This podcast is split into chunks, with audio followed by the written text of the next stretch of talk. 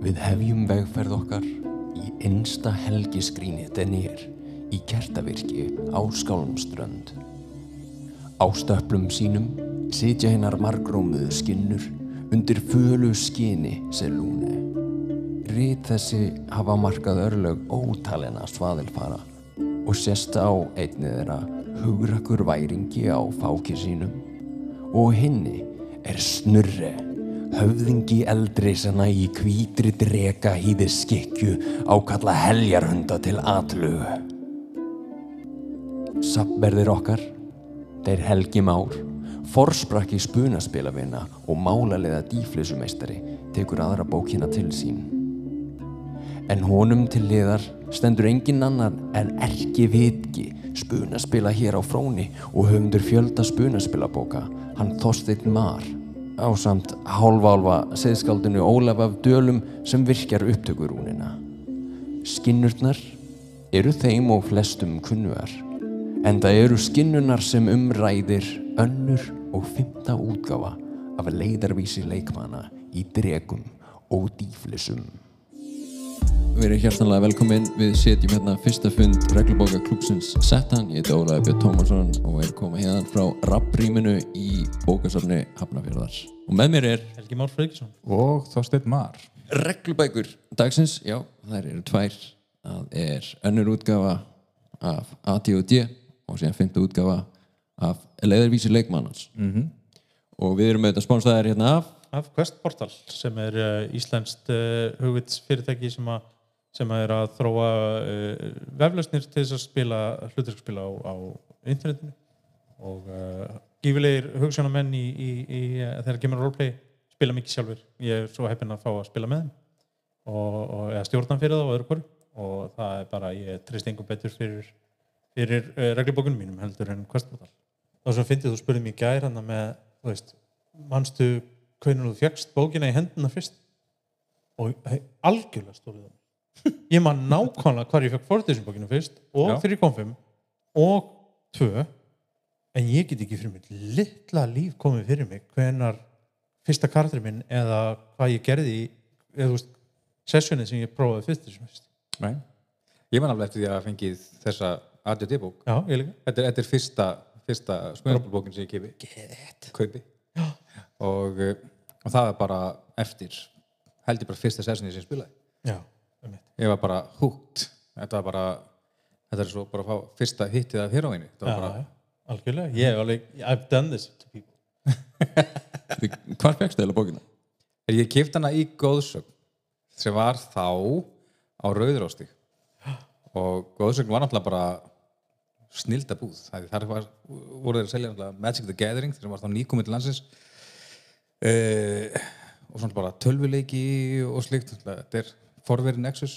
Það var ótrúlega áhugavert að að koma þar inn að því hérna, þar vartu með rjóman af íslenskum nördum. Og uh, en rjóminn var oft svolítið ostalikt á honum Já, hann var alltaf bara búið að vinna rjóman já, sem bara orðaði þannig. Já, ég meina, þú veist, nördaskapur er rosa mikið bara svona popkultúr í dag, sko, þannig ég allavega sé þetta fyrir mér að þetta sé svona tólfgaurar í mjög þröngur í mig. Rýmið var ekki mjög þröngt á rauðarstíð. Nei, þetta var náttúrulega ótrúlega stórt trým. Þeir voru alveg með stúkað hérna, stúkað smá spilasvæði og, og slikt og það var alveg, það voru alveg góðir þrýr metrar á milli hillna, allavega eins og þetta er í minningunni. Og það var kannski Já, já, já. alveg, Ég, kannski var það bara þetta, ég fó bara þegar ég var, þú veist, 13 ára eða 11 ára eða eitthvað sko fyrst. Já. Þannig að, að, hérna, ég var kannski minni, en hérna, en mér, mín upplifin var á rauðarstíðum svona, ekkit huge, en miklu stærra heldur en Nexus var svo hverju, sko, til dæmis, sko. já, en, en svo náttúrulega, þú veist, þegar, þegar góðsögn splittar og þú veist, gísli fer í minnarýmið, þú veist, minnarýmið í, þegar hann var á hverfspöldinu, það var óskaplega lítið. Það var það. Veist, það var bara rétt húðaborð og veist, tvær þrjár hillur Ég held ég að vera svona nýja ára þegar ég kom að gæðin fyrst, það virkaði stærra. Já, nákvæmlega. Ég geri það, sko. nákvæmlega það var það Það var, það var ekki hverju skatu 103 þá. nei, nei, svo fer hann eftir það nýra skutu Já, ég, ég held ég hefði mistað þessu rými sem þú ert að tala um. Já. þetta, það var ekki bjó ég fyrir norðan og, og kom bara sjaldan í bæinn sko. ég held að sé á þeim tíma þegar hann er í svo litla rými sem hann kemur á stað með hérna videoleguna þar sem hann er að leigur Star Trek Já, og Babylon 5 og allt það og sem að kannski hjálpa hann Gull að náma Nexus já, hjálpa hann að fara yfir í, í já, já. En er það að vinda okkur í málmáluna? Hvernig var það? mál, málana Dæmum þessu bók út frá kápunni. Hvað er í gangi á þessari kápunni? þessar hérna kápu? Já. Erum erum við að tala um Jeff Easley kápuna? Já. Þetta er það er, er, er, er saga að segja frá þessum kápum vegna þess að Jeff Easley er fengið til þess að teikna þessar kápur úst, fyrir ADOD og DOD og sagan segir að hann hafi alltaf teiknað sama æmyndramannin í mismöndi stöðum Já, var það Já. æmdur maður sem heitir Jeff? ég bara veit ekki hver það var en alltaf það var, var, var alltaf sami æmyndarmann og, það er svolítið sérstætt að hugsa til þess að í fyrstu útgáfu þá er sem sagt æmyndarmann að fara að takast á við drega og hann Já, já. og sér eftir því sem hann hækkar um level þá fyrir þetta að verða þessu öðvöldur og þarna veist, á sem sagt, kápunni á, á A-djóti þá er hann bara á hespaki að ríði í burtu frá ykkur já, að vera eldan. Já, eða þetta eru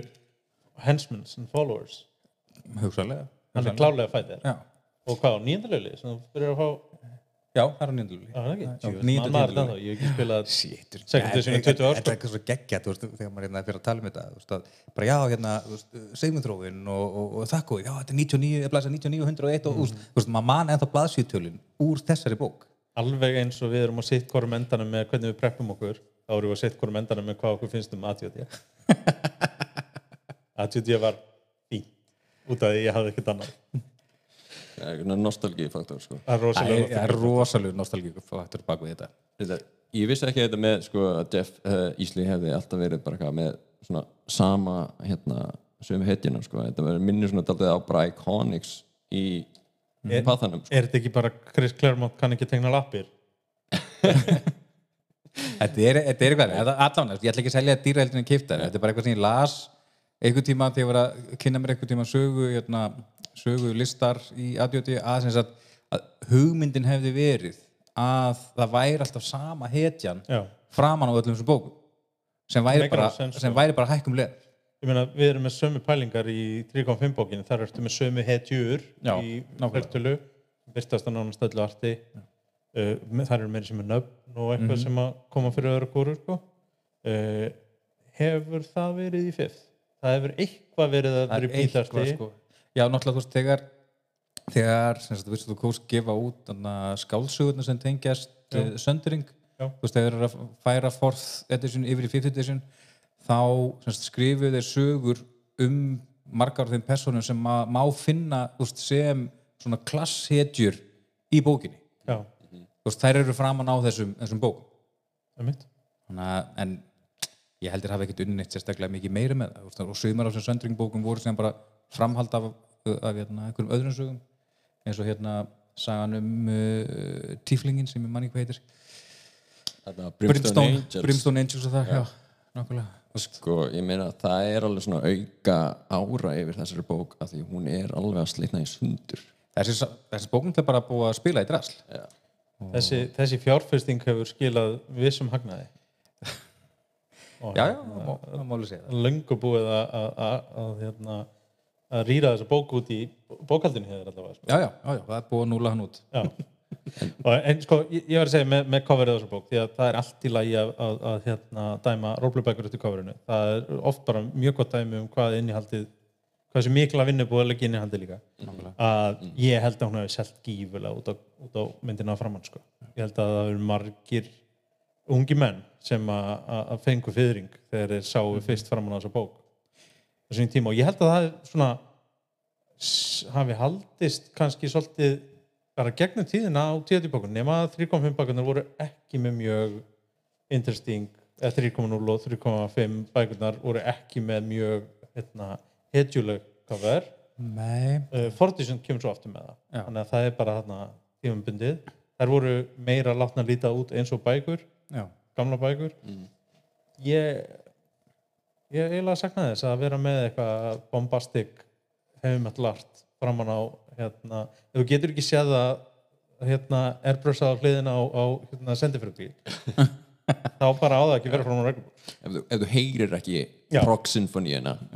já, ljóma hérna. Já, ef að Russ byrjar ekki spila þegar þú sér myndina. En þessi, þessi hins vegar, þessi second edition, um, það stóð ekki undir væntingum hjá TSR. Ég held að úst, í heildina hafa þið selt eitthvað í kringu 400 steintök sem að var ívið minna heldur en úst, upphaflega salan á ADOD, DOD. En, en er þetta ekki bara klassíska edition breytingar Nei, ég á bækunar, ég held bara áfram. Alveg eins og í 3.5 og Pathfinder Ha, býtu, hvað sér, var, var eitthvað edition Já, mögulega 3.54 og Pathfinder? Já, mögulega Þetta er bara allt gaman Já, það er alveg frétti fyrir mér. Ve- Veterans of the Edition Wars hérna, sko. Nákvæmlega. hérna, já, það er allavega bara eitt með kápuna þetta, ég hefði haldið við erum þetta fimm með baby, sko að þetta væri fighter, en fighterinn er þetta bara subclass af warrior í þessari bók Já. Þess að, uh, Þetta getur verið Paldin Þetta getur verið Holy Avenger sem hann, hann bregður hann að brandi. Mhm. en hann er klálega með þessa hendmennu bak við sig þannig að ég held að þessi fættur hversu auðvelt er að finna eitthvað í ADOD bókinni? Þessari, bók undir pressu. Undir pressu frekar öðvöld í minningunni. Það, að, og ég held líka munurinn á því að þegar maður horfir á þessa bók og horfir á þess að reglubækur í dag er að meira þú skoður önnur kerfi frá þessum tíma veist, þetta eru mikið stýttir í bækur Mhm. þú veist, ég er ekki að segja að séu betur uppsettar en flestra af þessum bókum voru í kringum 200 til 250 blaðsir Kóla þúlu 5th edition er 247 blaðsir þessi er veist, 250 eitthvað svo skoður bækurnar í dag þessi þarna bók sem er 5th edition bókin er 315 blaðsir ef ég maður rétt og sjönda útgáfa af, of Cthulhu. 600 blaðsíður. Keepers Edition já, bækurnar eru orðan svo ofbúslega blótið ég, ég held að sé út að í aðjöti bókinni þá er ekkert World Information Nei, það er ekkert. Ekki þú, þú ert bara með, er bara með klassana, komadreglunar og galdrana. Þú þú það er svona megin þungin í bókinni. Já. Og, uh, og það er, það er kannski alveg nóg fyrir leikmenn að byrja með. Ég held að þú myndir taka reglukerfi í BRP og sjóða niður, veist, taka í burtu allt flöffi í kringu það, að þá verður kannski með bækling upp á 16 til 20 blaðsjur. Já. já, ég meina ég mitt Já, svo pluss galdrar og eitthvað. Já, en ég er bara, ég er bara að tala um sem að playerarnir nút ekki. Já, bara reglukerfi sjálf þannig að við stöndum svolítið fram með fyrir því að, úst, að, að útgáfur úst, og Visual Coast er náttúrulega alveg því markið brendur svo allar aðrar er að reyna að finna eitthvað svona sweet spot á milli þess að halda prentkostnaði lágum en ná að vera með verði nógu hátt til að búa til eitthvað valjú fyrir nótundan að borgi sig að að borgi sig að, að kaupa bókina. Og þess vegna hafa þær stækkað. Við erum átt að tíðum bara að kaupa úst, fluff. Já, ég meina ég hérna var ekki búin að pæla alveg rosa mikið í því sko, en það er í ADD og í fimmi bókinni, þá er eiginlega ekkert lór sem er í gangi. Nei. en aftur á móti, ef þú lítir á bara önnur kerfi eins og Call of Cthulhu, Blades in the Dark uh, ég veist, Pathfinder og etc, etc, veist, þá er alltaf einhver svona smákapli sem er og hérna er söguheimurinn sem þú getur droppaði með inn. Mm -hmm. heldur að út af því að ævintýrin sem voru skrifið fyrir ADD þú voru auðvitað aðeins öðruvísi. Minimekanik Ef einhver. þetta er bara önnur hugsun. Um, það sem gerir svolítið þegar þessi bók að koma út aðtöði bókin, er að það, það verður það verður svona grundvallar hugsunarbreyting inn í á TSR þeir hætta að þeir hætta svona að gæla við power fantasíuna og uh, fara að setja meiri áherslu á það að leikmenn séu að spila hetjur. Að veist, þeir eiga ekki að vera að spila leigumorðingja og djöfla og eitthvað slíkt heldur hetjur. Ævindir sem er að koma út á þessum tíma endur spekla þessa hugmyndafræði svolítið. Þar leðandi er veist, meiri kannski að mér finnst svona, veist, ég er að hugsa tilbaka mér fannst meiri vinna lögð í að búa til góða sögur.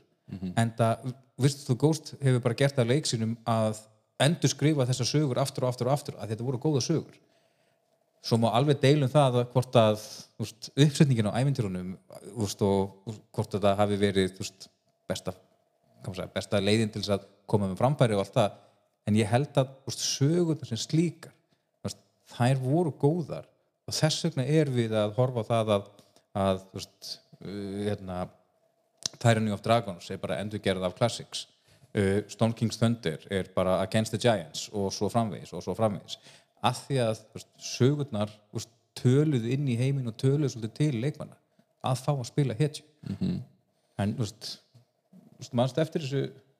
Sko, ég held að, að, að ég, ég bæði í gamla dag og núna búi á, á mjög spes stað þar sem að, að bæði er það með marga heima sem að nota sama kerfið líkt og kannski GURPS og World og annað en líka komnir bara á þann, þann félagslega stall að þeir þurfa ekki að segja þér frá heiminn veist, þeir geta bara gefið út bók, reglubók og sleppti að tala um heim því að þú veist, það vita allir sem eru að fara að kaupa þessu bók hvað D&D er og hvað þeir ætla að gera með hana. Ólíkt kannski ef þú pikkar upp Vampire eða the Dark eða eitthvað að þú veist, þá þarftu svolítið að vera með setting og karaktera og einhverju útskýring á hvað heimurinn er fyrirfram. það er búið að vera smá hjá vitgunum að þeir eru að búa til sko sögsvið, mekaník og allt það einhvern veginn svona einu pakka þú veist, þú eru með Magic the Gathering síðan Exandria og Spelljammer og, og, og Planescape það er sem að það vera svona einhver svona einn heildstæður pakki sko, bara hérna nýr söguheimur Nei, ég, sko, þeir eru búin að vera að dæla út já, nýjum heimum, þeir eru búin að vera að adapta veist, eins og segir Magic heimana inn í D&D og Roll20 heimana inn í D&D og, og þeir eru ekki að skapa neitt nýtt sjálfur þannig sé uh, mér finnst eins og þeir vilji frekar gefa út eh, sko ævindir sem þú getur svo sett inn í hvað heim sem er eða þannig allavega eins og þegar að þegar að stóra hérna eh, stóra keppnin sem þeir heldur sem að gaf út Eberron þar voru eitt af skilurðum hérna, þess að heimurinn fengi vera með í úr, úrtekt og annað var að það væri ekkert að nota allt sem áður hefði komið í D&D í heiminn það er eina, eitt af core kenningum Eberron er everything exists það er bara spurning um hvar og hvar þú kemur í fyrir. Að það sé hægt að setja öll monster sem áður höfðu byrst öll, alla klassa, að allt myndi exista einhvers staðar. Þannig að þú veist, mér finnst þér svolítið verið að reyna að halda í að þú veist, það er hægt að nota allt það er bara spurningum hvar, hvernig, hvenar og að ævindirinn eru þá frekar, þú veist, það er, alveg, alveg döglegir að gefa út eins og conversion guides gegnum tíðina, gefa út ævindiri og svo er bara eh, appendix sem segir, ef þú vilt nota þetta í þessum heimi eða þessum heimi, þá breytur þú þessu og þessu og þessu.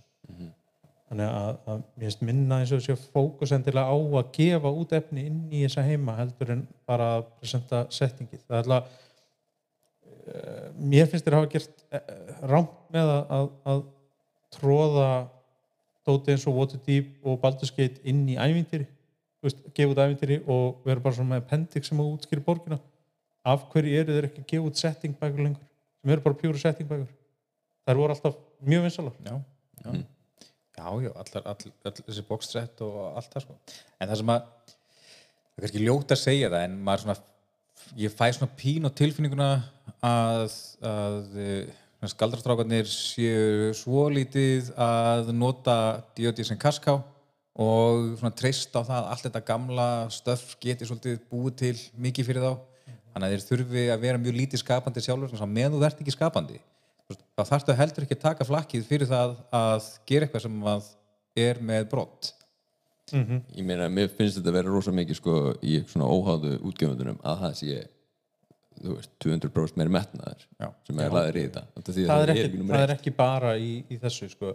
uh, ef við tekst sem dæmi þá er, er sýstir síða hérna, DM Skild Storyteller World eiginlega allt efni sem ég hef kæft að Storyteller World er betur unnið heldur en efni sem hefur komið frá Motibius eða Renegade. Þeim sem hafa verið með eða Paradox eða hvernig sem, að, sem er með license, vampire license á hvernig tíma. Því að það er bara meira hjarta meiri metnaður oft betri þekking á settinginu eða kerfinu og, og bara veist, miklu betri bækur Best, besta hérna uh, Ebron-bók til dæmis sem ég keft var á, á Guild og, og uh, bara 600 blaðsvíður af Pure Awesome sko. Hvað bókur það? uh, Cornborg Chronicles uh, jú, það heitir þetta bara Cornborg Chronicles ok, setjum það kannski bara í lýsinguna Já. Eða hvað? herri en það var einna flæðabókinni er gaman að lesa leðavísi leikmanns Nú- frá A til Ö.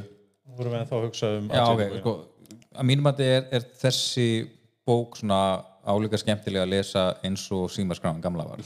En það gerir hann líka, það hækkar aðgengilegan. Já, af því að þú, veist, þú veist, reglan er bara, þetta, þetta er eins og svo lagateksti það er bara, þú veist, ef x gerist þá er uppsulon reglan sem gildi Já. og þú veist, þetta er ekki þú veist, þetta er ekki page turner. Þetta er ekki alveg bara svona, þú bara sest og lest og lest og lest og þetta er bara sjúklega spennandi og skemmtilegt því þetta er það ekki.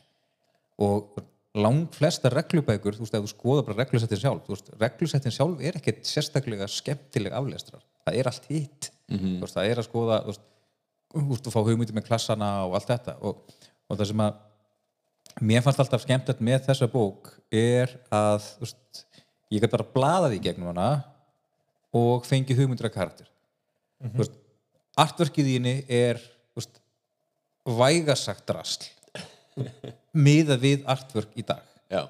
Já, já, en var mjög gott. en það, þeim var ljómandi fínt á þeim tíma þú veist, jafnvel þó að þú sérst að fletta þetta í gegn og þú sér þessar, þessar svona semi-tréristur einhverjar mm. veist, þá var, var þetta samt sem að nótil sem að fengi einhverja hugmynd að því að maður hafði ekkert annað, internetið var ekki orðið þing þá þú veist, jú, maður gæti sest niður og hort á Conan the Barbarian og er bara, yes, shit, hvað er fara að spila Barbarian næst? En, Þá ég með spurningu til. Ef, ef við ímyndum okkur skalan, skalin byrjar í 0 og betur þekkt sem Cyberpunk 3rd Edition já, og endar í 100 sem er The Genesis, já. hvar fellur ADD á þennan skala? ég myndi segja að hún væri nær, nær Cyberpunkinu Hún Nær Cyberpunkinu, Já, við erum að tala um undir 5 þá. Já, hún er undir 5 Ok, ok. En meina, hvað segir þú sjálfur? Er hún um með því 5? ég get alveg verið sammálaðar, hún er, er einhvers staðar þar í kring, sko. Mér finnst hún- ekki hörmung, en það getur náttúrulega verið að ég kannski býjur einhverjum duldum nostalgíu fordómum líka, sko.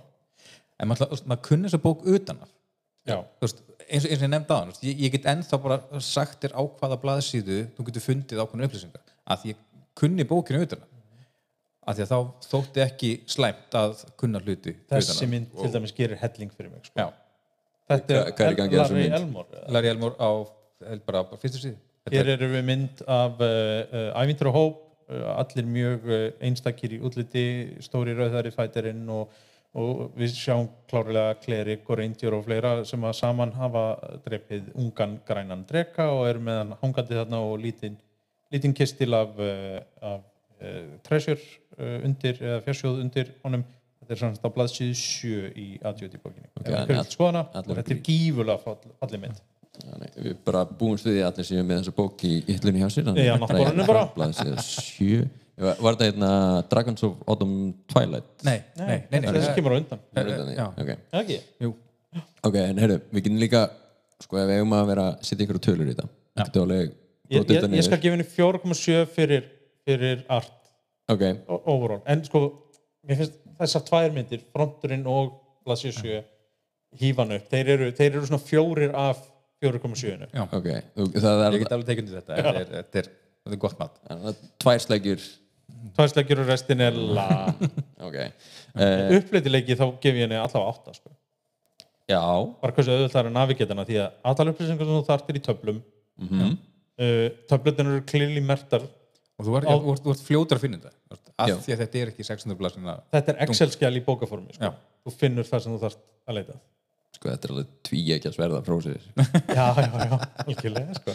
en þessi, ég, ég, myndi, ég myndi segja þú veist, ég alveg, alveg nota bækur sem er kannski þægilegri út af að bönsaðum sem töflum eru líka að mínum að því óþarfar. Ég, ég þarf ekki að vita að haflingar með pluss 5% í einhverju einu þýfs dæmi en ekki öðru. Því að þú veist ekki bara voru þeir með racial modifiera heldur voru þeir líka með sko innan klass racial modifiera já. sem er bara orðið lag af, af hérna, dip sem ég þarf ekki sko. það er líka bara illa séð eitthvað. Þetta er alveg þetta er, þetta er á jæðrið mitt eitthvað svona Og- og þú veist- eitthvað, á, baldin og kona, já ok. Skum hérna var Við skulum ekki ekki fara í það var í næstu edition undan eða ekki? Jú, það verður næst eftir svona undan. Þá fengu konur skelvilega út en líka bara þetta þurfa að bæta við sko, það var ekki nóg með átjan væri sterkastur sko. Já, eða þú veist, ekki í kerfinu en þú veist, í starting heldur þurftur svo að vera út að menn gáttu ennþá verið að metast um hvort þeirra karakter verið sterkari en hinn þeir eru báð með átjan þannig að það var með prósentutölu fyrir aftan átjónið sko. Ok. þannig að þú varst ekki raun sterkast en þú varir með átjón 0-0 sko. Plus 2, plus 7 Já. skák og ekki það að ég hef spilað með manni sem að, að þegar hann komst að því að karakterinn hans var ekki sterkastur í hópnum þá borðaði hann karakter sitt. En það er annar mál. það er þetta bara algjörlega vennilega viðbröð eh, algjörlega eðlilega Það er viðbröð bara, hver hefur ekki getið kartisítið sitt, segir nú bara. Þú hefur ekki spilað fyrir þú að gert það right. þegar þú nefnir að ég hef alveg fengið spilar sem að borðaði karakter sitt. En var það hægt og rólega allt í einu kuffi að þetta var sko, þetta byrjaði að, að tróða öllu blaðinu upp í sig Ok. og síðan átti hann að þetta var aðeins og stór biti en hann var bókstæðlega búinn að býta sig í það að hann væri að fara að borða þetta karakter sitt. Okay. Og- ég, og ég, ég kom með ástæðana fyrir því af hverju þessi félagi gerði það. En hvað var í gangi hjá þér hann bara dó. Hann bara dó þannig hann byrjaði að jafla á karaktersítinu og þ- það var að taka það langa tíma. Við kannum bara halda áfram að vera í bardaða sko. En heyri, hérna hversu hún nýtist á væntalega hún nýttist mjög vel, bæði Já. spilurum stjórnundum Ok. Já, já, hún hún var alltaf upp á borðum alltaf. Bara, það var eiginlega bara ég með þurft hana kannski minna. Já. Já, veist, alltaf ég spilaði veist, á þessum tíma í hópum þar sem að tekkingin á þessari bók var býstna góð sko. Þannig að, já, díminn þurfti hann kannski minna, hann var bara meira með skrimslaskilun já, aðalega því að eins og alltaf við tjóðu öður Dungeons and Dragons useless. Nefnum bara til að finna magic items Já, svona meira að minna, og sérstaklega í þessu útgáfi Já, Hann sérstaklega var- þessu. Hann var ekki góður í þessu útgáfi já, 3.5 líka, Já, já reyndar. Mikið til sko. já, og hérna þannig Það að er, það, er eins og, það er eins og the Coast og reynda TSR þar á undan hafi bara hreinlega ekki átt að sig á því og verið alveg búin að móta með hjá sjálfum sér til hversi ósköpunum veist, átti, menn, átti menn að nota Dungeons Guide? Af hverju eru upplýsingarnir í Dungeons and Dragons ekki bara í plæsambúk og þeir eru bara með tvær bækur? Já, það er alveg pæling. Bara, hefur einhvern tíðan komið út Dungeon Master's Guide fyrir utan kannski 4th edition Já, já. sem var actually useful. Já, ég veit það ekki. Fyrir utan það bara að gefa treasure og rekna XP sem er eitthvað sem getur, getur komist fyrir á einn blæsi, eða þú veist XP og treasure sko. Það hlýtur að gerast núna í D&D 1 já, bara six times the charm. Ég hvað er sem fötana þú veist, þeir getur líka bara þú veist, sleppt þeim bækum, bara þetta er alltaf neyðinu gætu gert Það það, en þá myndur ekki verið að selja bækur sér til Já, en þú veist, ætlar, ætlar vissast að fara að selja bækur? Ég held það. Ég er nefnilega, ég, ég er, er farin að halla svolítið að því að þeir sé að færa sér smátt og smátt bara meiri við það að það verði bara allt aðgengilt á netinu. Að þú veist, þetta format eftir nokkur ár verði bara dögt veist, ég held nefnilega, sko, út vantilega að tólka það að þeir sögðu upp samningum sínum með Penguin. Já, og, og líka, líka bara þrýstingin sem þeir eru að setja á leikmenn með að vera inn á D&D Björn Já, líka það, ok Ég, ég, hérna, ég held að það sé mikið peningur í bókasölu. Ég held að ég er líka í, í miniature game heiminum eða mannsmælkis uh, spilum. Og hérna, og þar er einmitt vandamáli meira að Games Workshop er hugt á bókamanni að þeir gefa út endurlega bækur út að þeir græða svo mikið pening á bóka, bókasölu. Þannig að ég, ég var rosalega erfitt með að trúa að þá bókaútgáfi fyrirtæki ætla að hætta að gefa út bækur.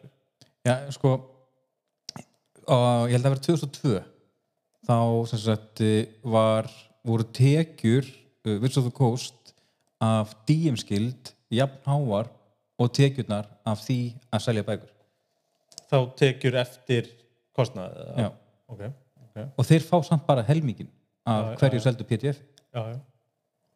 ok, þannig að þetta er þú veist, veist, ég, ég til dæmis ég trúi því að ég sé riðsæðileg sem heimi. Veist, ég, ég elska að eiga þessar bækur ég elska að fletti í þeim þess að en ég, veist, ég er eiginlega orðin sannfærin um það að börni mín þegar þau fara að spila þá muni þau spila með því að nota upp með því að vera með allar upplýsingar aðgengilegar í spjaltölum og þess að þar og sjá enga ástæðu til þess að fylla húsi hjá sér af bókum sem þau fletta kannski einu sinni til tvisar ári. Gífulega fallegum bókum.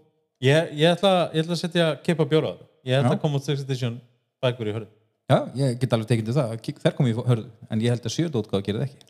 Ok, ég er ekki farin, ég er ekki farin að hugsa svo langt sko. ég vil bara, ætla þeir ekki að segja 6 edition var í síðasta edition sem er nokkuð tíma að koma út. Mm já, bara patch update síðan af. Já, svo er það bara day one DLCs Já, akkurat.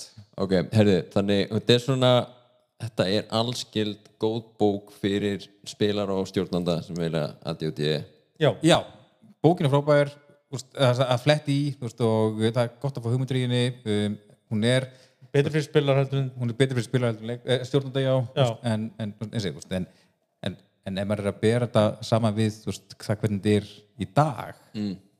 veist, alltaf maður spila þetta í drasla sín tíma en í, með við tíman í dag já, nei, nei, þá er þetta eins og segið, þá er þetta nær cyberpunk. Já, já, algjörlega sko. Eh, sko, mér finnst ennþá þægilegt að fletta upp í henni miklu þægilega heldur en í bara rosalega mörgum bókum í dag því að þær eru eins og segir orðna svolítið bloated af additional information og hérna sem að er kannski ekki þyrfti ekki verið í reglu bókinni sko.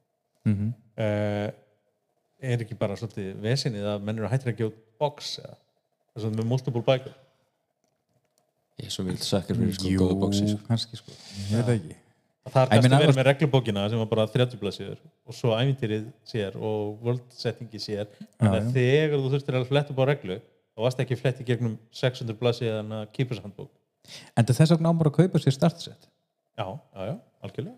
Það er bara svo oft í dag að, að það sem farið í startsettinu er ekki alla reglum nei, nei, samanbyrðu voru mér Samber voru mér, Samber minna, það er ekki allar reglunar í, í hérna í essential skit eða í hérna, nei, ég held að þeim ná bóksum sko. ná upp í level 5 fyrir karaktera og Já. síðan er svona ég held að það er ekki öll conditionin held ég uh, minni mig og eitthvað, eitthvað svoleiði sko ok, að, að það er svona það er oft skorjun ögn Mm. í nýjum bóksettum sko Mm. talandi nú ekki um bara eins og speldum með bóksettið sko sem er sko, alveg það er mjög flott það er rosa flott þetta er svona eins og eins og að hérna þegar að, þegar að vinnu mínu voru að spyrja um stelpu, já það er nú sæt. Hún er rosalega hress.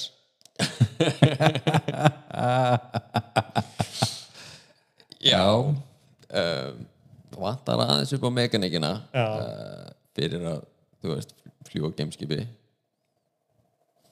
enga, engar naval combat, eh, space nei, naval combat reglur er algjörlega downfallið ennar að mínum mati erum við semst búin að transitiona yfir í fimm? Er- við bara kunnum ekki að halda okkur vefni nei, við, þetta er bara eitthvað já, en við skulum bara transitiona yfir fimm. Já. hvað er loka engun í flokkunum okkar fimm á þessa bók? Gáðið útlitinu fjóra.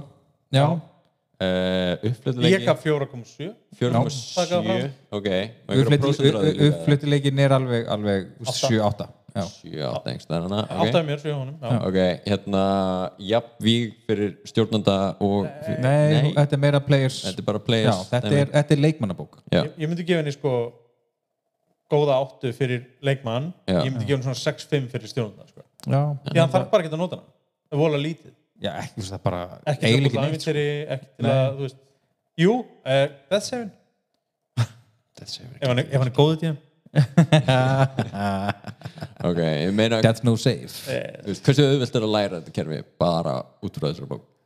3,2 þú, þar, þú þurftir að hafa eitthvað gætt kentir kerfi þetta var, þetta var kerfi sem gekk í erðir. Ok, algjörlega sko. Ég þek- þekki rosa marga sem að keift, eða sem sagt þekki, veit um rosa marga sem keifti þessu bók og ætlaði alltaf að vera roleplayerar. En svo byrjuðu ekki roleplayer fyrir um áratugum setna þegar einhver kom og kendi þeim. Bara að Já. setjast niður og lesa þessu bók á þess að einhver segi þér og það er með margar roleplayer það er ekkert bara þessi bók. Að einhver komi og kenni þér út af hvað þetta gengur. Það er bara ekkert fyrir hvað sem er sko. Já. Ok, þannig, en er eitthvað svona þú veist, það er alveg stendur eitthvað til bóða uh, að gefa henni aukastig fyrir einhvers konar eitt faktor. Nostalgíufaktorinn, í klálega eitt faktorinn þessari nostalgía, já, það hún er- fær 9,2 þar. 9,2 nostalgíustig. Þetta er bara þú veist, fyrsta sumar sem maður spilaði það og var sko, bara geggja örgulega þrjú af þeim eru bara, ég sitt svo nála þostinni sko. það eru bara svona blýta yfir á mig sko. já, okay. Heru, já, já, það... þetta var geggjaða tími. En, en, en kerfið er batsinstíma okay. mögulega það besta sem voru bóðið þá en það er bara við getum alltaf sagt skásta við, þetta var þetta var, var vissulega Hva, skásta fantasíu þessi er 94 tvö eða fjögur held ég. þá er þetta ekki það besta sem var í bóði þá því að World of Darkness komið út. Já, já, já, já Vampire já, Vampire komið út. Þá tökum við það tilbaka. Þetta var ekki það besta sem var í bóði þá. Hvað fantasíspilum var þar? hvað fantasíspilum var? já, já, sure, sure. þið er það að gefa þessu 6.6 ég held að það sé bara það er bara fer fer er hérna, þú veist, hýftu örglu upp úr 5.1 bara út á nostalgíu í einhverjunni, sko ný, þú veist, nostalgían er að spila mjög stóra rulli í ég þetta held að 6,6 sé bara mjög, bara sangjörn einhvern fyrir ADHD í dag. En það er náttúrulega úst, það, heil hellingur af fólki sem spilar þetta ennþá. Já, veist, þó svo að þú veist, ég hafi prófað að taka nokkur sessun í þessu fyrir einhverjum ára síðan og ég alveg bara ég man að þú bauðst mér að vera með og ég afþakkaði penn. Já, ég, bara ég, Bara ég er nú gammal að regna þakko eftir þrjú skipti að rekna fram og tilbaka það var bara ómikið fyrir mig. Ég bara er ekki nógu vel gefin lengur til þess að, til þess að skilja þetta. Það er búið að drepa þessar heilasellur sem að fyrir lungu síðan það bara áfengi tók í burtu allt þetta alla þennan vilja. Já. já, ég meina þú veist það er alveg svo, sem að segja að þú ert fyrstur þá þarfst ekki að vera bestur sko. Já. Uh, og þið allir bara hérna halda ykkur við 6,6 og mögulega ákalla hérna draug Gary Gygax yfir ykkur. Já, ég veist, ég ætla bara að koma strax með ég held að Gary Gargax hafi verið sorp stjórnum. Já, bara hot take dagsins.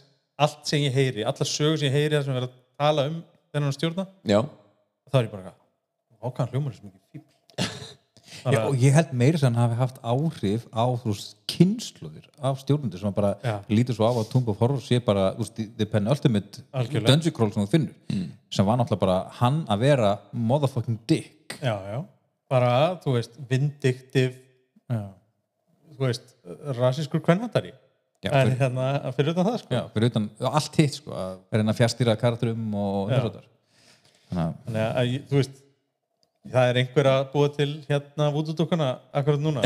Ég er hérna við þetta sko. En færum okkur yfir í, yfir í óskapatt þjóðarinnar, Já, já, fifth edition. Jú. Fifth edition. Herri, hvað erum við með hérna? Sko, að kápinni kápan sem við erum með núna er, er special edition kápa. Þannig að ég veit ekki hvort við getum dættan út úr því. Sko, venjulega kápan er alveg góð. Ég gef venjulega kápan alveg Já, já, góða 7,8 eða hún, eitthvað. fær, hún er rosa floss þessi er fokkin nýja sko. Já. Er þetta ekki brúnur? Nei, þetta er, hvað sagður það hétti eitthvað 40 74 er eitthvað Nei, ég er að spyrja, er, Já. er þetta ekki mynd af brúnur er þetta ekki eitthvað fokkin giant ég uh, er nokkuð Já, viss. Já, um jú, að kannski. þetta eigi að vera hérna Fire Giant. konungur eldri svona snurri Snurri Nyrre, já. hvað sagður að þessi útgáfa væri kvölduð aftur er þið, sko, Hydro 74 Hydro 74, er já. Artisti sem að hefur búið til nokkra kápur hann hefur búið til þetta og held ég Spelljammer já, hann er búið til slatta, ég googlaði hann áður við komum sko. Það er Sana þar og Volo. Já, þetta er, þetta er gífurlega flott sko. eins og segi, þú veist þetta er, þetta er allt sem geti enda á bakinu á einhverjum sko. já, Já, já, og er ákveðlega búið að gera það. Já, algjörlega sko. hann lítur samt, ég skal alveg taka undir það hann lítur rosa mikið út eins og sem að já, Brúnar er, ákveðin er of cool til að vera með bein á haustum á sér Brúnar er með málum Hann er með hjálm, hann er með málm á hausnum Já. með hornum já, já, já, það er alltaf lega en hann er með málum, hann er ekki með hauskúpu hjálm Nei, sko. nei, nei það þarf ekki ég, upp hann er fólk ég, ég, konungur. ég, ég sé bara að mér, afsakið ég, já, hann, er, hann er konungur, hann er ekki með eitthvað drasla á haustum fílingin að fletta þessari bók er mjög góð. Uh, þannig að, þannig að hérna, hún er að fara að skora mjög vel á hérna, á, á dæma bó, uh, bókina eftir kápunni sko. já, og það sem að er líka svo áhugavert í þessari bók þegar maður var að fletta henni fyrst er hvað hann er ofbúslega myndræn. Það er svo ofbúslega mikið af myndmáli hérna og margt af því er bara fáránlega gott. En svo koma svona inn á myndi inn á, inn á milli myndir sem eru svona pínu sérstakar svona eins og myndin á blasi 132 af uh, búanum hérna mér finnst þú ekki ég ætla að grínast. Mér finnst það ég elska feita haflinga, ég veit ekki af hverju. Að, hérna, hún, er, hún er kannski ekki rosalega vel proportionað aftur, þetta er svolítið Chris Claremont hérna, distortions á henni. En ég elska litla feita haflinga. Bara, kannski bara finn ég einhver, einhverja samkend með, þeim, eða, eða samferð getur verið. En hérna, ég held að þetta er ljótara myndir í þessar bókar Já, já, ég, þetta er bara það sem ég raka augun í. já, finnst það er, það er rosa auðvelt að þú veist, upplifa andrúsloftið veist, við það að fletta sér bók. Ég man til dæmis að hérna, að stutt eftir ég keifti, keifti bókina, þá var eldur sonur minn að fletti ég minni, þú veist, og hann, hann staldra alveg við, veist, margar myndunar og var alveg bara, veist, pínu svona, gefa sér tíma í það að skoða þér Já. og svona hverfa einhvern veginn inn í þér og það finnst mér rosalega mikill kostur. Það gefur gerir bókina mikið svona sterkari heldur en kannski ef þú ert bara að lesa regljósettið í SRD formi á, á netinu. Já, það er, það er rosalega gott að eiga bækur líka PDF þegar þú ert að stjórna sérstaklega því að þá getur hérna, þú getur notað Ctrl F og fundið hluti mjög hratt. En það er alltaf eitthvað við að halda á bók og flettir. Alltaf dæmi sko. sérstaklega ef þú getur líka fundið hlutina í henni ég, ok, ég, ég er náttúrulega ég er, ég er svona bókaperri þú veist, og eitt af því sem að þú veist, mér finnst finnst Þú mjög var að taka gaman þetta bóka framan af það mér finnst mjög gaman að, hérna, að gera þú veist, er, þú veist, þú finnur þú veist, hvernig pappir er notaður. Mm -hmm. Þú veist, munurinn á pappirnum á milli þessar tvekja bóka er töluverður. Já. Þú veist, þetta er allt annar pappir hérna og þú getur með þess að fundi mismundi líkta mm það er, að það, er líkta pappir þannig að ef maður vill virkilega ganga langt í perraskapnum þá náttúrulega allaveg fer maður og, og opna bækur og sitt, svo stendur maður í Nexus og þreifur á pappirnum og reykur sér niður við hann í kjölinn. Já, og bara, það, er sko, það er mér svo geggjað sko þegar maður er komið nýja bók og svona opnar hann það er bara svona Já. lek en þetta er eitt af því sem maður, hefur, maður fann eins og með hérna þegar nýjútgáðun af Kolko Þúlu voru út. það var alltaf sérstök lykt af fymtu útgáð bókinni. Mm veist, sem var svona í, mínu, minni minningu svona pínu svona Kolko Þúlu lyktin. Já. og hún var ekki af síðan útgáð ég var pínu svektur en, en ég meina hún hlýtur þá að skora stig fyrir að vekja ókennileg heit bara strax frá já, já, vissulega, vissulega. Hún er framandi. Já, Hva, Hvað myndir þú, sko ef við, ef við horfum framhjá á þessari specialty og gefum bara basebókinni, hvað gefur henni fyrir art og upplifun við flettingu? sko ég gef henni alveg átta við art og upplifun fleiri, þú veist, að því að veist, mér finnst artið lang í langlega tilfellum mjög flott og mjög auðvelt að sjá fyrir þetta fyrir sér og þetta er mjög gott andrúsloft en það er svona ein og ein mynd- myndin á milli sem að veist, ég, ég átta mikið alveg alltaf á þessu, þessu listræna vali. Minnst, sumar sérstaklega eins og í kaupmyndkaplanum annað þar sem það feir bara hálf blaðsíða eða þriðungur blaðsíðu í eitthvað svona mynda bara svona einhverjum ætemum sem liggja Já. sem er ekki mert hvað, hvað til að- eins og ég er rosalega oft spurði hvað er Morningstar já, og eitthvað það, þú veist, það bara segir sér ekki nei. Og hérna, en þær, þær taka upp í eins og segi, hálfa blaðsíðu eitt þriðu blaðsíðu og þjóna rosalega litlum tilgangi. Það er náttúrulega kemur hafði þriðja útgáfa svolítið, vinning. Já, þar þeir- voru myndir af öllum vopnum. myndir á öllum vopnunum og sagði hvað þau væru. Og þá kannu maður bara skoða blaðsíðu, ég man ekki 147 eða hvað sem það var sko. Og svona úr því að við farin að tala um þetta þá, veist, þá kemst maður ekki hjá því að minnast á það náttúrulega að í Aski Yggdrasils voru líka myndir öllum vopnum bara svona skuggamyndir. Þannig, þannig í raun og veru er Askur Yggdrasils uh, betri útgáfa en fimmta útgáfa sko, við, við, veist kannski að- tekið bara sér þátt í það að ræða einhvern tímann hérna, Ask en, en Askur er náttúrulega já, ber höfuð og herðar yfir öll önnur íslensk spunaspil ég ætla að sitja á strák mínum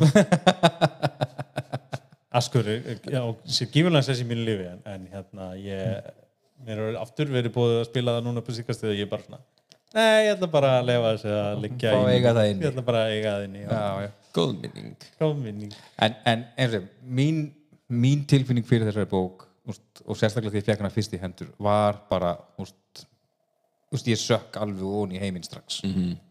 og, það er samt engin heimur í henni nei, en bara úst, bara andrúslofti Það er bara mála eins og ég sagði hann að, að hérna, ég held að D.O.D. sé komið að- sko, D.O.D. er ekki lengur byggt á vestrænum fantasíum. nei, nei, D.O.D. er bara orðið sitt eigið genre já, já sem að er D.O.D. Þess vegna erum við farin, farin að sjá þú veist, teiknumynda uh, hérna, semst, animita þætti gerða eftir D.O.D. og eitthvað sem eru bara lo, uh, lorið eða þú veist metafísisikinn á bakvið D.O.D. er orðin svo djúb að það er orðið sitt eigið þing. Já. og, hérna, og ég held að sé alveg önnur spil sem eru komin á það level. Ég til þess held að, að sko, stærsti parturinn af vexti þess að ég allir vita hver Lovecraft er í dag er ekki út af bókunum hans lengur. Það er út af rólbækjörunu ég sammála því.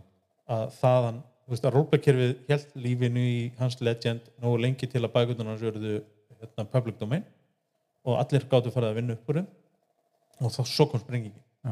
Ég man allan að þegar ég var að byrja sko í fimmi þá fannst mér ponsu erfitt að fara í gegnum mekanikina nummer eitt út eða svona fyrsta spunarspilakerfi sem ég var að spila svona í alvöru. Og nummer tvö að því ég átti einhvern veginn svona erfitt með einhvern veginn að staðsetja æfintýrin sem ég ætlaði að fara að stýra eitthvað svona í einhverjum heimi. Og þá þetta þarf maður að vera með þú veist Swordcoast þá er það verið með einhverju setting. Forgotten Realms náttúrulega kemur ekki í fyrðutísum fyrir í Sword Coast Adventure Guide Mhm. uh, var samt fyrsta settingið sem að þeir íudu að eða sem sagt gáfu út eitthvað efni fyrir það ekki Forgotten, Já, í, í fyrðutísjón Já. þannig að þú veist, hvað eru, tvö ár sem að IOT var ekki með setting útgefið Nei, ég held að það hafi ekki verið svo langt Nei. ég held að, held að, ég held að Sword Coast Adventures Guide hafi komið út kannski hálfu ári til átta mánuðum eftir. Þú veist, þeir gefa út að þessar þessa þrjár bækur gáðu þeir allar út á svipum tíma. Mhm. og svo held ég að Sword Coast hafi komið út bara einhverjum mánuðum. Sér ég, ég er Og þá- ekki alveg mitt í kollunum út af því áður en bækundar komið þá náttúrulega kom Lost Minds of Fandelur boxið sem vísu þeir gera ekki. Það er hérna uh, hvað heit það, Cobalt Press já, já. sem að skrifuðu það fyrir þá. Út af því þeir voru á uppteknum við að gera grunnbækunar skrifu líka Tyranny of Dragons. Já, Já, já, það. Uh, og þar náttúrulega er fólkandur um settingi nót já, já, alveg 100% já. uh, herrið, bara til að svona svara þessu spurningu það er mögulega einhverju nördar alveg bara alveg að rífa af sér síðustu hár agnina já, þeir eru bara eitthvað, hvernig getið ekki vitað þetta. Og hérna uh, við erum menn, við erum ekki guðir. Við höfum lært að sætta okkur við það. Talaði fyrir sjálf uh, hérna já, PHB kom út 19. august 2014 Sword Coast Adventures Guide kom út 3. november 2015 þannig að það var alveg heilt árað það heilt ár, já, já, mér fannst það að það hafa verið óþarlega langt já. á milli eða þannig Mm. uh, þú varst að spyrja mig um daginn hérna hvar ég hefði verið þegar ég fekk fyrst fyrst þessum bókinni hennar Jú. og ólíkt öllum öðrum editionum af D&D gæti ég ekki svara þér ég man hvar ég var þegar ég fekk second edition. Ég man hvar ég var þegar ég fekk third edition. Og ég man eiginlega best hvar ég var þegar ég fekk fourth edition. Uh, en ég, ég er búin að vera síðan þú spurði mig að bara grafa í viðjum hugans. Og ég man ekki fyrsta karakterinn minn, ég man ekki fyrsta dæmi sem ég stjórnaði og ég man ekki hvernig ég tók hana fyrstu. Hver var fyrsti kalendin sem þú mannst á eftir? sem ég man eftir bara overall. Eða bara, já, heyrðu, bara gerum það Já, sko, ég man ekki hvað hann hét en ég man ég spilaði 9. level ranger í ADHD hjá eldurbróðum mínum sem var sá sem kom með roleplay eh, norður svolítið eh, og hérna kendi mörgum af bestu spilurum og stjórnundum fyrir norðan að roleplaya sko og hérna eh, ég man ekki hvað hann hét en ég man að hann var rosa hróahattalegur 9. level ranger sem að dó á endanum við það að detta hún í gildru hjá Kobolds og rífa kjaft þangað til leið borðið hann því að já, bara, því ég er ég. Ok, en í fymtu, mannstu hver var svona sirka nei, Fyrst ég ís. nefnilega man ekki neitt hvaða fyrsta karakter sem ég get sagt þér frá ég hafi spilað. Og ég veit ekki af hverju þessi gloppa er. Ég man Bönns og Fortisum karakterinn kannski út að ég spilaði svo góð kampinni á þóstinni ah, með þau sko. En kannski er það bara því að ég hef örgulega ekki tekið sjálfur þátt í einhverju gífulega eftirminnilegu fyrðtísumkampinni ég stjórnaði um nokkrum. Mm, en, en ekki, ekki sem spilari nóg mikið. Ok. Mannst þú fyrsti Ég- D&D karakter já, ég man eftir fyrsta D&D kartinu mínu og það var eins basic og hann verður sko, það var Dwarf and Fighter. Er og ég held að hann hafi dáið á tveim klukktum já, það var bara mjög einfalt. Já, en ég held að hérna ég er alveg samlega með, með fimmt útgáfi því að fimmta útgáfi hún rennir svolítið sama við fjóru útgáfi hjá mér ég held að það sé að skrifa þetta 50% á það og 50% á elli glögg já, já, 100%, 100%. En, en svo er það bara einhvern veginn þannig að ég hef just, ég hef, satt að segja, ekki spilað mikið fimmt útgáfi sem, sem leikmaður. Nei. Ég hef einhvern veginn meira verið að stýra henni. Já, við, við erum orðin svolítið forever GMs sko. það er bara svo gaman að stýra. Já, en á ég, á ég að segja svolítið? Já, ég, þegar ég stýrði fimmt útgáfi fyrst ég var ekki sem búin að lesa kerfi mm Til hvers? að ég bara, ég settist nefnir og ekki, að jú, ég, er, jú, jú, ég skal spila, stýra þessu bara. Og svo, jú, búið bara til kartera já, já, er þið þetta? Frábært, svo byrjuðu bara að spila.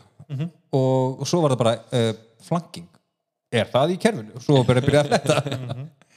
Já, uh, já fi- fimmi er rosa mikið fake it till you make it gerfi sko, og held að spilir rosalega inn í að sko, ég er með hellingareynslu en með lengri reynslu en ég. Mm, og meiri. Ég er eins og hann. Ég, treysti, þú, þú rétti mér reglubók og ég skal stjórna eftir klukktíma sko. og hérna, ég, mér langar bara að byðla til fólk sem hefur bara spilað D&D 5th edition og er kannski búið að býta í sig að, að það ætli bara að spila D&D 5th edition og þorir ekki að prófa önnur kerfi eða hefur villað ekki.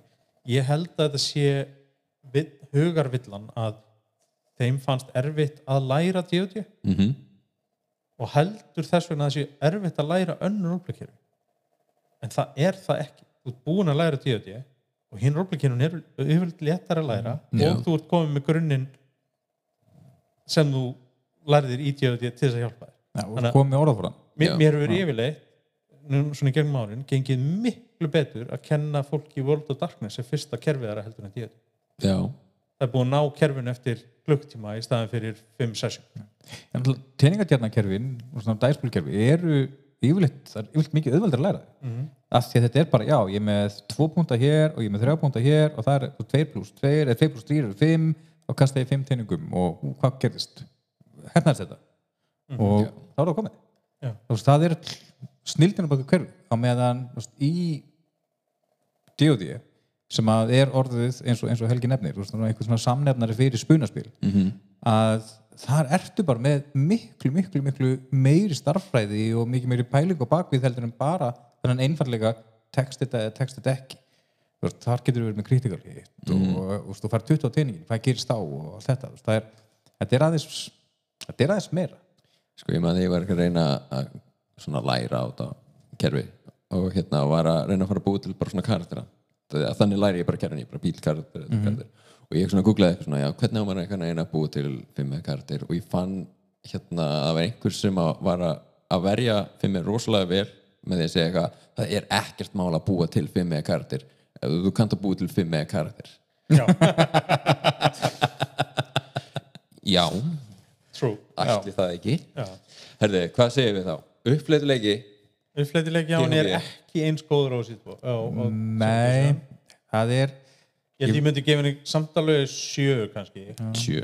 Mér finnst hérna mér finnst ekki eins auðvelt að nálgast allar reglurnar þú veist, það er oft góð mælikvarði á bók hversu auðvelt er að skilja grappulreglunar mm já, já. En það er, er annað, annað í þessu sem að þú veist, kannski snýra göldrunum. Veist, í þess var göldrunum raða niður eftir levelum. Og svo í stafrásu já, í fimmtu útgáfu er göldrunum bara raða niður eftir stafrásu já. Sem að gera það að verkum að ef þið langar að skoða annarsleif skaldarna þá ert að fletta fram og tilbaka. Það er í uppfleitileiki klálega sko. Já. sem að, þú veist, og auðvitað þú veist, er þetta bara spurning um það hver, hver ertu veist, hver ertu, veist, hvernig ertu vön að, að, að fletta upp hérna í bókum? Og en það er líka annað í þessu sem að veist, mér fannst svona pínu erfitt þegar einmitt að því ég stökk af stað og ætlaði að stýra kerfinu á þess að hafa lesið það. Það var að veist, átta mig á veist, öllum þessum litlu breytingu sem hefur orðið á milli 50 og 40 útgáfu eins og með flagging og eins og með ímislegt meira sem að gera það að verkum að fyrstu spilarnir hjá mér fóru maður að segja, bardaginn varð mjög hægur. Af því að við vorum alltaf, herri, bíti, bíti, bíti, bíti, nei, nei, þetta virkar ekki svona.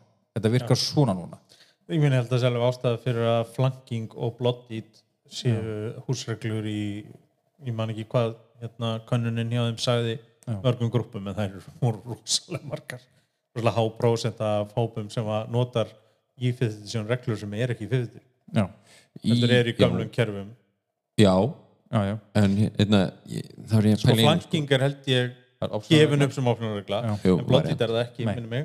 En bloddít er held ég meira notuð heldur en allavega allir sem ég kenni kerfið sem að ég segi svona stundum hendi út eitthvað já, hann er um bloddít hvað minnur það er bara merkjum hann sem búið með hálf hitbandinn ég vil það ekki ekki það, ég fylgði þetta, ég vil að nota þetta. Það, það er bara Það orðaforði já, og uh, náttúrulega í fjórðu útgáfu þá náttúrulega bara skipti máli ef vera var orðin blótið ekki því þá bara virkuðu sem power mikið betur og þess að Bara, mm. það, það, það voru, þú veist sum monstur voru með að, að þeir fengu aðra powera sem hann lokkuðu sem gáttu fara að nota, sumi klassarnir voru með að gera meiri damage, þú veist, kannski ykkur rók sem að, þú veist, gætt betur pikkað á, á monstur sem voru orðin lág í heilsu eða hvernig sem það var.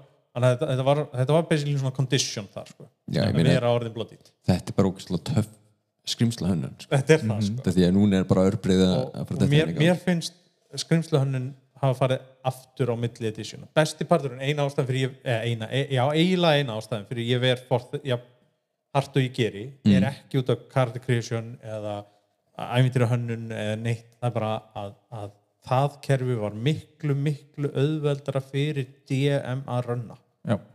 Skrimsla hönnunin. Þú kannski rétt með blaðsíð með skrimsli sem ég aldrei séð áður og ég geti rönnað því successfully í bardaga án þess að sjá eftir í daginn eftir. Í dag meir, ef þú ert með einhvern bossmonster mm. með alls konar leiraksjóns og legendary actions og alls konar eitthvað, eitthvað dót þú nánast aldrei nærð svona maximum effektinis eða að gera eftirmillinan bardaga út af hvernig kerfið er in- þú veist, integration á kerfinu og hvernig það interaktuður player og ekki bara það, það er líka þetta hérna, það að þú getur búið til bardaga eins og maður gerði fórþjóttis kannski bjóst til bardaga þar sem að heitjurnar voru að berjast á móti 20 til 30 skrýmslu Já, og þá varstu kannski bara með tvö skrýmsli sem voru með alveg heipunta, restin voru bara með heipunta, voru bara minions. Já. sem þú bara slátraðir og, og, og, og það var ógeðislega gaman, það episki bardagar. Og þetta vantar svolítið að mínum að ennþá inn í D.O.D. að þú getur búið til svona ofsalega episka bardaga hvað finnst ykkur þá um þá uh, eins og ver, þá verið að byrja að kynna það í Monsters of the Multiverse að þú ert allir að koma með skepnur sem eru með svona með, svona töfralega mætti sem þeir geta notað. Þeir sem eru ekki spell, svona spell ability Já, og er það ekki bara út af því að menn eru nota counterspell og mikið sem hækju eða?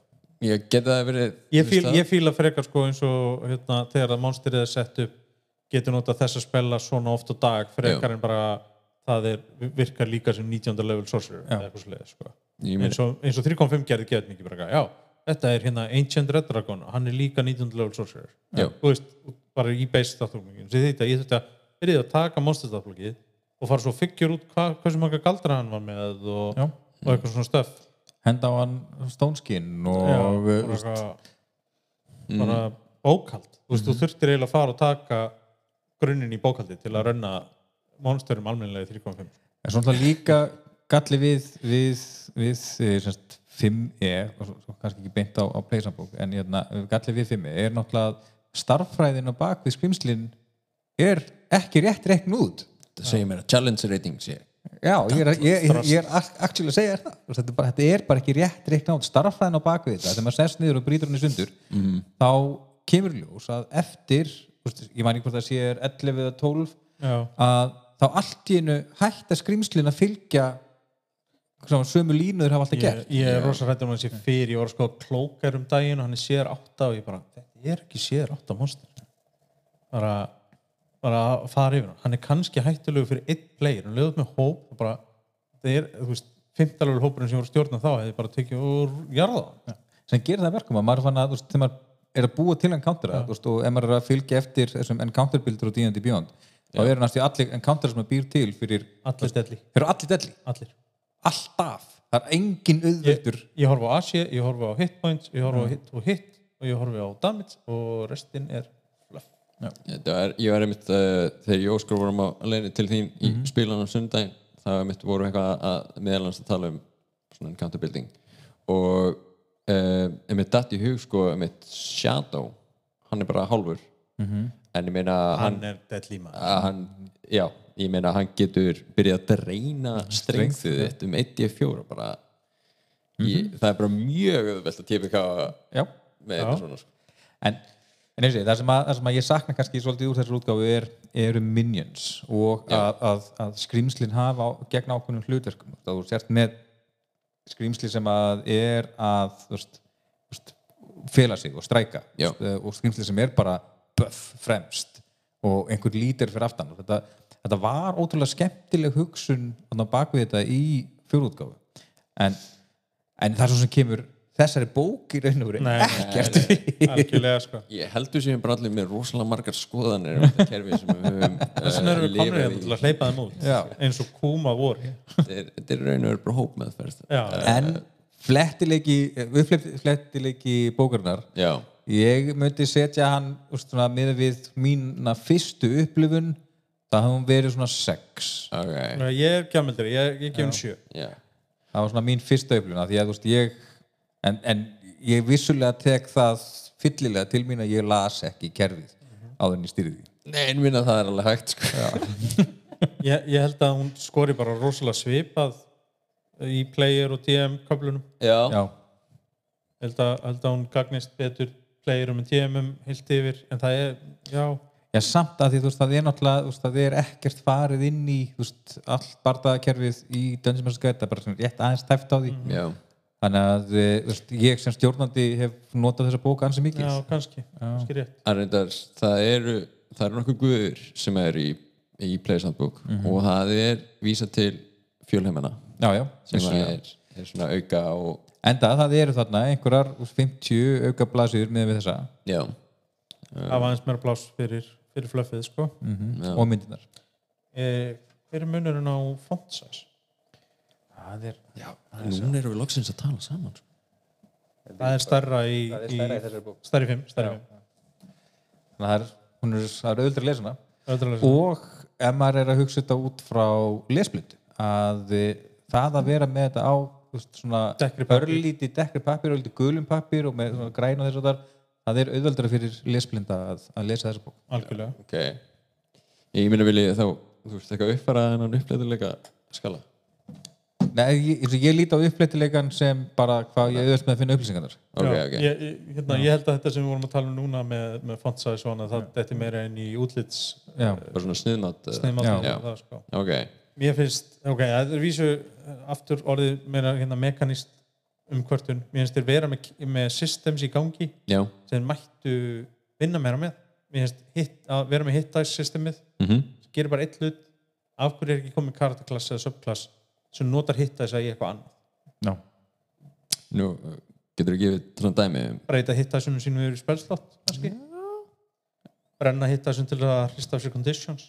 Já, brenna hit dice og fá eitthvað movement. Þú veist, það, er, það er ekkert mál að búa til powera sem fjúlast af hit dice-unum sem þú jú, þarf vissilega að nota ef menn er að taka tíu encountera hérna, adventure in daginn sem að þeir hanna bókin út frá já, sem er bara rángur uh, að, hérna, en ef þú taka 2-3 á í ævintýri mhm. fjö, fjóra klukktum ævintýri æ- ætti að vera með 3 komandi countera cirka uh, 2-3 uh, að þá notar þau hitta sem ekki neitt. Nei, og þe- þeir eru bara þarna og eru bara botlangi á kerfinu sem að er ekki En þú kemur alltaf inn á mjög áhugaverðan punkt þarna vegna þess að, hérna, að því að galdrastrákunir hugsa þetta út frá einhverjum tíu encounterum á dag en meðan venjulegu stjórnandi er kannski að hugsa fyrir sér er sér kannski fyrir sér tvo. Já, þetta gerir það að verkum að klassar eins og, eins og, eins og Warlockin þú veist, það er bara hluta af honum eins og þetta bara er já ég hérna, sjórstresta og fæ bara allt aftur eins og ég hafi við longresta það verður bara tilgangslust Já, já. Að þá allt hérna bara ertu bara þú ert bara orðin lélegri kastir í staðin fyrir það að þú áttur að nota þetta er bara lélegri kastir að því að þeir gerðu bara grunn hugssuna villu upp að því sko, mér finnst þess að breyta hitta yfir í yfir í veist, það virkar eins og svona spell points en bara miklu, miklu öðvöldara af hverju voru sorcery punktarnir hjá sorcerer ekki bara beisar og hitta þú ert að spyrja vel þessum mann sko. Uh, það svaraða nú. já, uh, býttu, ég skal tjekka Mike Mells hérna uh, já, af hverju ekki? Ég held, ég held að kannski þið hafi bara verið alltaf að flýta sér. Já, það vir- virka allavega ef þeir gáttu ekki gefið út fyrstu tvo æfintinni sín sjálfur eins og þeir hafi verið bitið aðeins þeirri bitað en þeir riðu við hann sko. Já, hvað allir hafi skúr út mikið efni af Swordcoast á sínum tíma? Miða við hvað úst, þriðja útgáfa af Forgotten Realms settingbókinni er mögnuð. Ég var að leifa mannum að taka hottekið sitt? Já, takk fyrir ekki? Já, þetta er í raun og verið bara volt sko. Já, þetta er bara þægilegt. Er sko, ég meina Dungeon Master's Guide Er það lúka á hot? eða? að hún er hún er bara alltaf læg, gaman að fletta gegnum hana mm Mhm. -hmm. byrjar hann á félagsfræði Já, fyrir en ok, henni hot ekki Sana þar er alltaf að fara að vera miklu betri í Dungeon Master's Guide en Dungeon Master's Guide Ég held að það sé ekki hottekið, það sé bara í fristinum þetta er bara, er þetta alveg bara það kalt Ég held það yeah. Shit, hvað? Já, þetta er svalt er það ekki? Nei, ég held þetta alveg rétt hér Ég held að, ég held að sé- Engin ég held að mótmæli sé- sko. mikið, betri upplýsingar sannast fyrir stjórnundan ég meina, Þú ég veist, allar þessar upplýsingur um það hvað gerir á milli ævintýra og búa til potions og allt þetta, þetta er bara mikið betra. Þetta, þetta, þetta er actually gaglegt annað, af hverju nú er þeir með lifestyle expenses í, já, af hverju hafa þeir ekki mekaníska áhrif af hverju er ekki áhrif hvort að playerinn vill sofa í hlöðinni eða borga fyrir aristocratic lodgings? Já. Hefur það ekki áhrif á hvernig hann funkar að daginn eftir? Er svarað er að finna í skæð Er það ekki? já. Geðveikt. Erum við búin að reyta alla flokkana á þessari bók eða? nei, nefnilega ef Við eitthvað- faktorinn eitt eftir, sko. eh, já, líka auðlæran leiki. Auðlæðanleikin sem að við sér. Hversu auðvelt er að setjast niður með bókina að læra hún fær ekki mikið fyrir auðlæðanleika þessi bók sko. nei, ekkit fyrir um pleysanbók Nei. í second edition sko. þú þart, þú þart það þarf eitthvað að kenna þetta D&D já, hún það, fær. það er mjög fáir sem að ég þekki sem hafa bara sest nýr og bara, hú, já, nú kann ég D&D eftir að hafa lesið bókina. þeir eru allir einhver starf róinu líka sko.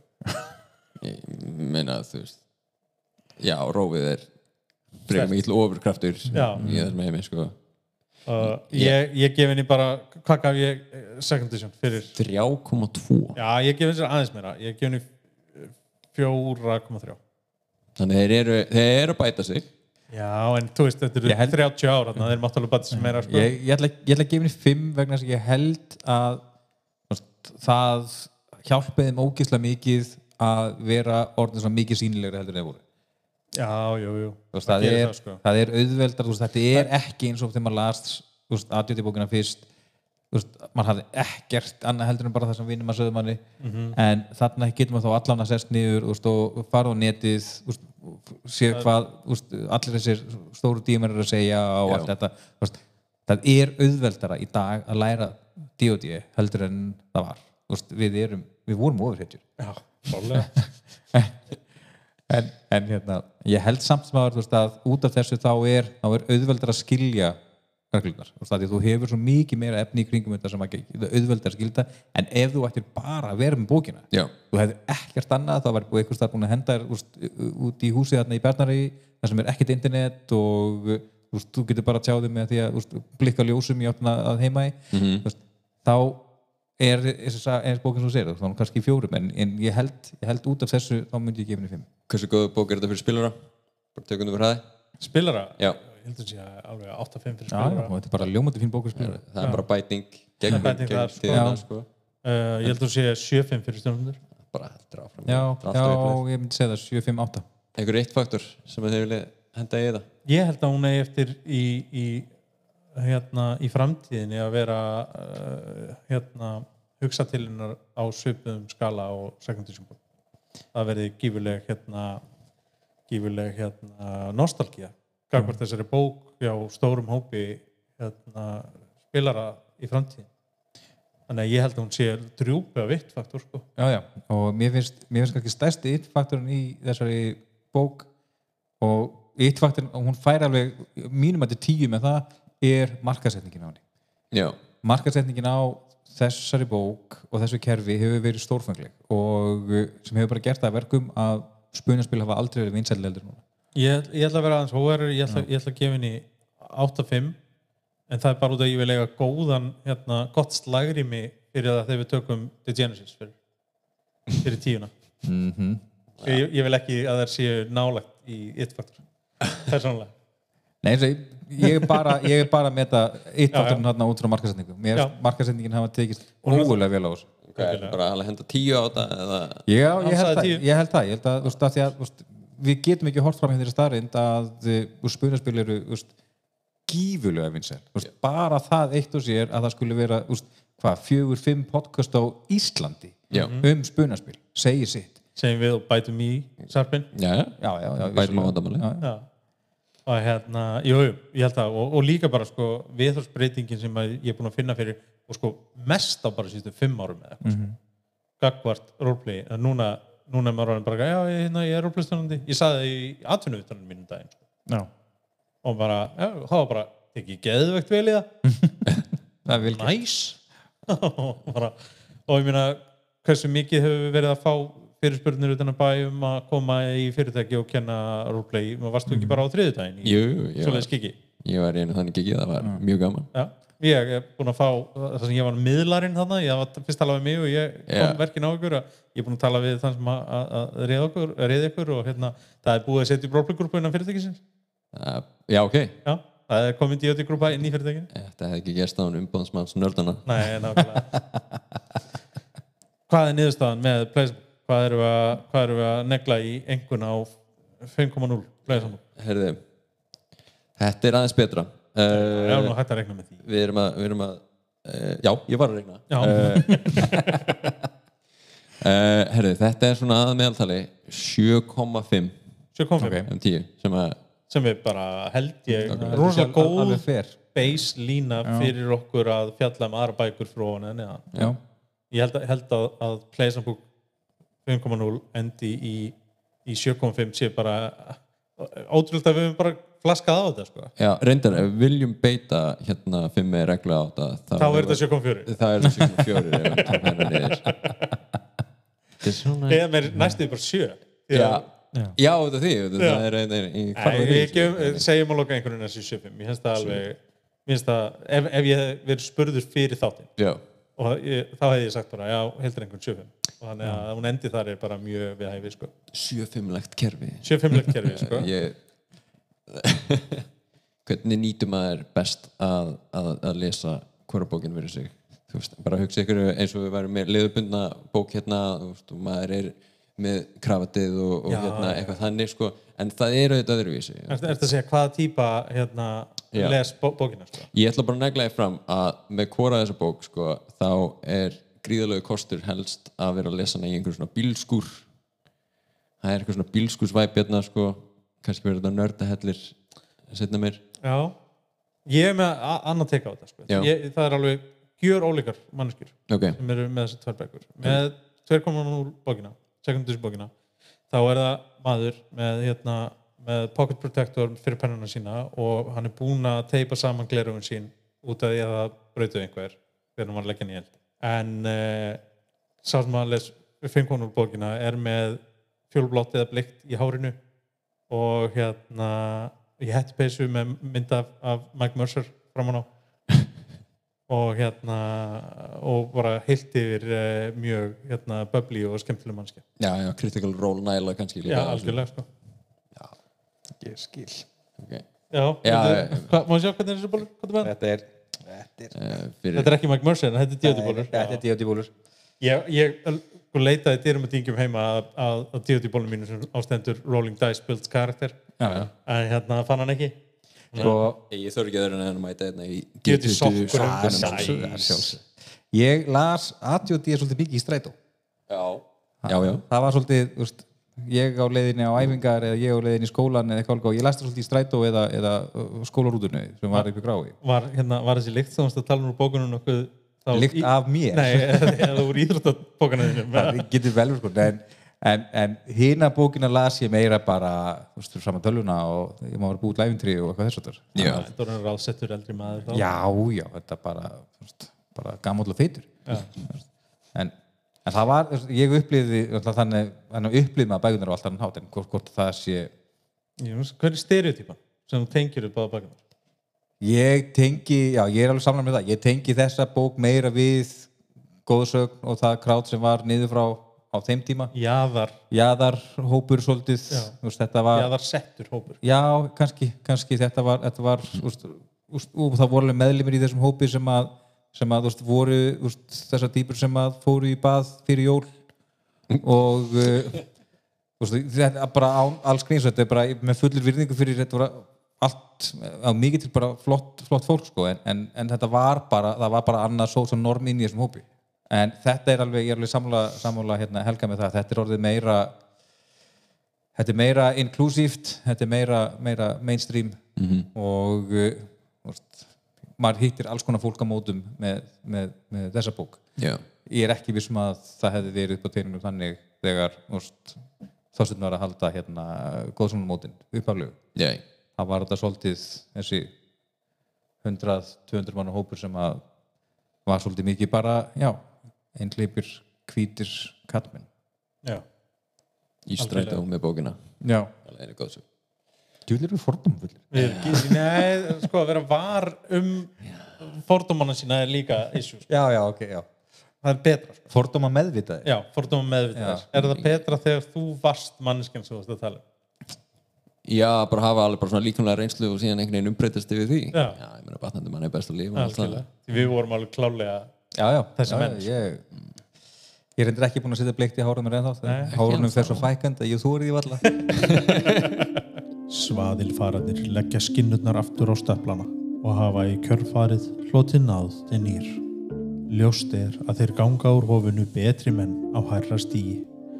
Vopnaðir visku sem mun ónættanlega nýtast þeim um ókomna tíð á ferðalögum þeirra upp og niður eftir skálmstrendinni.